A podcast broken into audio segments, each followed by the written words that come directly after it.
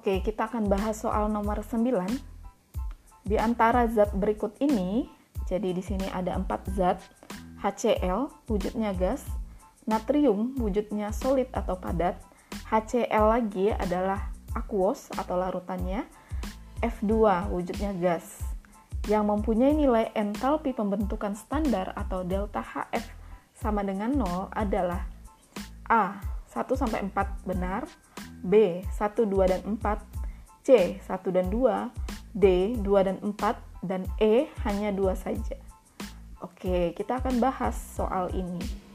Delta HF akan bernilai 0 jika unsur itu adalah unsur monoatomik ataupun diatomik. Jadi ini nilai delta HF ini hanya ada pada unsur monoatomik maupun diatomik.